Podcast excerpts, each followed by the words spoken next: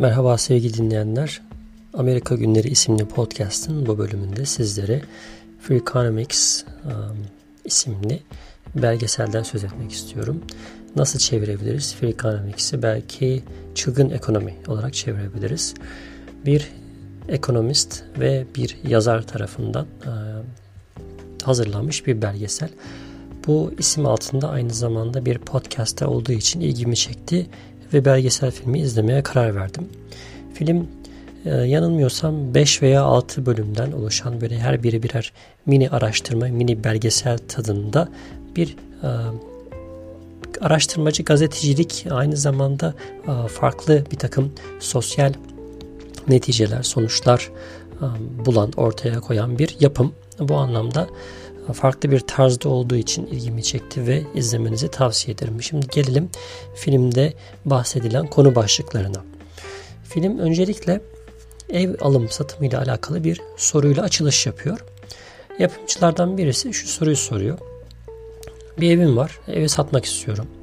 Evimi 290 bin dolardan satışa çıkardım ve evimin satılmasında bana yardımcı olan bir emlakçım var. Genellikle Amerika'da ev alım satımlarında arada e, emlakçılar vardır. E, işte evin müşteriyle buluşması noktasında e, aracı anlamında bir nevi ayak işlerini yapan, bir nevi size fikir veren, danış danışmanlık veren ve bundan komisyon alan emlakçılar vardır ve çok yaygın bir meslek. Evi 290 binden almak isteyen bir müşteri çıkıyor. Emlakçı e, yapımcıya yani daha doğrusu orada rol olarak e, rol icabı konuşuyorlar. Diğer yapımcı emlakçı e, rolünde olan yapımcı evini hemen sat diyor. Programın yapımcılarından diğeri emlakçının bana verdiği bu tavsiye iyi bir karar mı değil mi? E, her ne kadar emlakçı bunun benim için en iyi karar olduğunu söylese de acaba gerçekten böyle mi diye bir istatistiksel bir bilgi ortaya koyuyor. İşin aslına bakılınca şöyle bir durum ortaya çıkıyor. Eğer evini satmak isteyen kişi bir hafta daha beklese belki 300 bin dolardan bir alıcı çıkacak. Evin değeri artacak. Arada 10 bin dolarlık bir fark söz konusu. 10 bin dolar da iyi bir rakam evi satan kişi için. Fakat emlakçı bu 10 bin doların çok düşük bir oranında belki işte yüzde bir buçuk iki gibi yani nispetinde bir oranda komisyon alacağı için eline 150-200 dolar gibi oldukça düşük bir meblağ geçeceği için bu emlakçı açısından çok da karlı bir alışveriş değil. Bu yüzden emlakçı ev sahibine evini bir an önce satmasının noktasında tavsiyede bulunuyor. Ancak bunun arkasındaki neden emlakçının buradan e, herhangi bir ciddi bir gelir elde etmeyeceği. Çünkü o bir hafta boyunca ev satılmazsa tekrar ev markete çıkacak, e, duyurular yapması gerekiyor. Belki gelen müşterilere evi göstermesi gerekiyor, telefon görüşmeleri yapacak vesaire vesaire. Böylelikle emlakçının e, alacağı para bir hafta daha gecikmiş olacak ve bir hafta daha bu evle meşgul olacak e, zihinsel anlamda. Evet böyle bir açılış yapıyor bu program. Anlayacağınız üzere rakamlar üzerine e, ekonomiyle günlük hayatın ilişkisi noktasında bir nevi veriler sunan bir belgesel. Filmde birkaç bölüm daha var benim sizlere söz etmek istediğim. Hem Amerika'daki yaşam noktasında hem de ekonomi anlamında ekonominin günlük hayattaki uygulaması anlamında oldukça güzel e, notlar aldım bu noktada. İkinci bölümde de beyaz siyah ayrımına dikkat çeken bir araştırma var. Amerika'daki malum ırkçılık e, veya işte e, zencilerin beyaz Amerikalılara göre işte geri planda kalması, toplumun her alanında bir beyaz Amerikalı gibi haklara veya önceliklere sahip olamayışı noktasında bir araştırma. İkinci bölümde bu bağlamda çocuklara verilen isimlerin çocuğun hayatında belli bir rolü olup olmadığı araştırılıyor. Bu konuda yapılan bir araştırma yine Harvard Üniversitesi'nde çocuğun isminden ziyade doğup büyüdüğü ortamın çocuğun geleceğinde etkisi olduğunu söylüyor. İşte siyahların yaşadığı yerlerde hani böyle e, kalabalık olarak yaşadıkları böyle kitlesel olarak yaşadıkları e, zenci mahalleleri diye bilinen yerlerde e, malum hayat şartları düşük, suç oranları yüksek, ailelerin çoğu ayrı ve çocukların pek çoğu sadece annesiyle yaşıyor. Yani buna single mom diyorlar. Yani tek başına hayatta kalmaya çalışan kadın çocuğuyla beraber e, eşi yok, kocası yok. Geçimini temin etmeye çalışıyor. Çocuklara bakmak istiyor. Bu oranın %80'lere kadar çıktığı söyleniyor. okullar malum eğitim kalitesi anlamında ciddi anlamda eğitim vermiyor. Bu yüzden öğrencilerin özellikle zenci öğrencilerin hani bu ortamda büyüyen öğrencilerin geleceklerinin de çok parlak olmadığı bunun en büyük etkeninin yaşadıkları yerler büyüyüp yaşayıp büyüdükleri ortam olduğu sonucu ortaya çıkarılıyor. Buna beraber e, yine e, Harvard Üniversitesi profesörleri tarafından yapılan başka bir araştırma var ve daha ilginç bir sonuç karşımıza çıkıyor aslında bu araştırmada. Şöyle bir çalışma yapıyorlar. 5000 e, rezüme, CV yani özgeçmiş hazırlıyorlar. Bunları şirketlere yolluyorlar. Fakat yollarken şöyle bir çalışma yapıyorlar.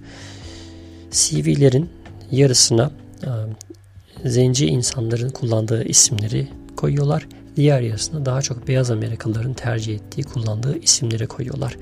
Onun dışındaki özgeçmişteki bütün bilgilerin hepsi aynı. Ve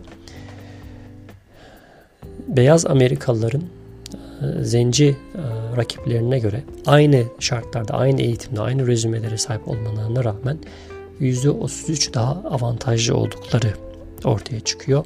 Ve böylelikle zencilerin sadece isimlerinden dolayı e, aynı nitelikleri sahip olmalarına rağmen maalesef iş ortamında yani piyasada geri planda kaldıkları, bir takım fırsatları kaçırdıkları gerçeği ortaya çıkarılmış oluyor bu araştırmayla.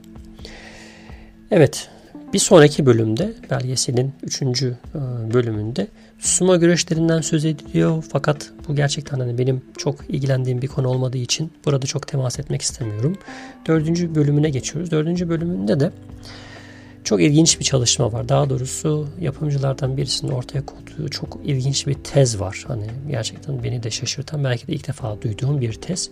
Bu da e, doğum kontrolüyle alakalı, kürtajla alakalı bir çalışma. Bir nevi aslında bir sonuç değerlendirmesi. Bu da şöyle. 90'lı yıllara geri dönüyoruz. 90'lı yıllarda Amerika'da ve Romanya'da ilginç şeyler yaşanıyor. Romanya'da komünizm çökme noktasına geliyor. Pek çoğumuz hatırlar yaşınız eğer benim yaşlarıma yakınsa 90'lı yıllarda çocuk veya gençseniz Çavuşescu'nun malum kurşuna dizildiği ve komünizmin çöktüğü, insanların işte sokaklara çıkıp yürüyüşler yaptığı bir dönem artık Doğu blokunun yıkıldığı yıllar. 90'lı yıllarda Romanya çöküyor fakat Çavuşescu 1970'li yıllarda iktidara geldiğinde kürtajı yasaklıyor. İnsanları çocuk doğurmaya ve Romanya'nın nüfusunu artırmaya teşvik ediyor. Fakat ters bir durum oluyor. Nüfus artıyor, doğum oranları artıyor, insanlar daha fazla çocuk sahibi oluyor. Bununla beraber işsizlik ve suç oranları da artmaya başlıyor. Bu işsiz ve suça eğilimli insanlar 20'li yaşlarına geldiklerinde artık genç bir nesil oluşmaya başladığında bu nesil trajikomik bir şekilde Ceausescu'nun da sorununu getiriyor. Şimdi Romanya'nın kürtajı yasakladığı bu yıllarda 70'li yıllarda Amerika'da kürtaj serbest bırakılıyor. Yani doğum kontrolü teşvik ediliyor. Çocuk sayısının işte bakabileceğiniz kadar çocuk e, büyütün veya işte e, bir takım doğum kontrol önlemlerinde teşvik veya aile planlaması kavramları ortaya çıkıyor ve bu bir, bir önü açılıyor bunun yani Amerika'da. Daha sonra bu 1990'lı yıllarda ilginç bir şekilde Amerika'da ekonomi çok iyi gidiyor. Suç oranları düşüyor ve bu suç oranlarının düşmesine kimse anlam veremiyor. Yani hani çok ciddi anlamda yani gözle görülür bir düşme var suç oranlarında. Bazıları işte bunu kendisine hani pay biçme anlamında hükümet bundan pay çıkart diyor. İşte belediye başkanları diyor işte bizim aldığımız bir takım önlemlerden dolayı yani işte suç oranları düştü falan. Bundan dolayı hani gurur duyuyorlar. Bunu övünç kaynağı olarak kullanıyorlar. Fakat programın yapımcısının şöyle enteresan bir teorisi var. Romanya ve Amerika kıyaslaması. Romanya'da doğum oranları arttı.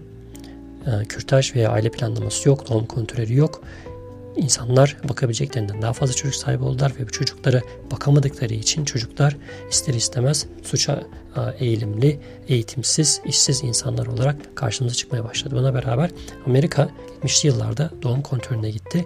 İnsanlar daha az çocuk sahibi oldu ve bakabilecekleri kadar çocuk yetiştirdikleri için çocuklarına daha fazla önem verdiler ve bu daha iyi, daha güzel bir bakıma sahip olan, daha iyi eğitimden geçen insanlar ister istemez suçtan uzak duran, iş sahibi olan, meslek sahibi olan, ekonomiye katkıda bulunan insanlar oldu ve böyle hem ekonomik hem de suç oranı bundan nasibini aldı diye bir teorisi var. Oldukça controversial yani böyle tartışmaya açık pek çok insanın kabul etmediği daha doğrusu karşı çıktığı bir teori fakat bu belgeselde bu verilerden yola çıkarak böyle bir teori, böyle bir yaklaşımda bulunuyor yönetmenlerden, yapımcılardan bir tanesi diyelim. Ve gelelim son bölüme. Bu belgeselle alakalı sizlerle paylaşmak istediğim. Bu da yine eğitimle alakalı. Bir öğrenciye para verirseniz öğrenciyi okuldaki dersler için motive edebilir misiniz sorusunun peşine düşüyor. Chicago'da yapılan bir araştırma. Chicago'da bir üniversiteyle bir okul sistemi ortaklaşa bir araştırma yapıyorlar. Öğrencilere eğer her ay notlarını belli bir ortalamanın üzerine tutarlarsa 50 dolar verme taahhütünde bulunuyorlar. Her ay üniversiteden insanlar geliyor. Çocuklarla birebir görüşme yapıyor. Çocukların karnesine bakıyor. Eğer çocukların notları belli bir ortalamanın üzerindeyse çocuklar 50 dolar nakit para veriyorlar. Ve bu araştırmayı bir yıl boyunca sürdürüyorlar. Acaba para alan çocuklar bundan dolayı motive olacaklar mı diye bir çalışma yapılıyor. Ortaya çıkan sonuç oldukça ilginç. Neredeyse e, herhangi bir etkisi olmadığını görüyorlar. Bir grup öğrenci bundan motive oluyor, para alıyor, e, bu sayede notlarını yükseltiyor. Fakat bir grup öğrenci de e, para şeyine göre hani buna insentif diyorlar. Bu verilen ödüle rağmen motive olmuyorlar ve notları yükselmiyor. Bu çalışma orada yarım kalıyor. Fakat ilginç bir deney olarak da tarihin tozlu sayfalarında yerini alıyor mu diyelim. Böylelikle bu programda burada noktalayalım. Dediğim gibi Freakonomics, çılgın ekonomi diye çevirdim ben. 2010 yapımı bir belgesel. Bu gibi ilginç konulara merakınız varsa izlemenizi tavsiye ediyorum.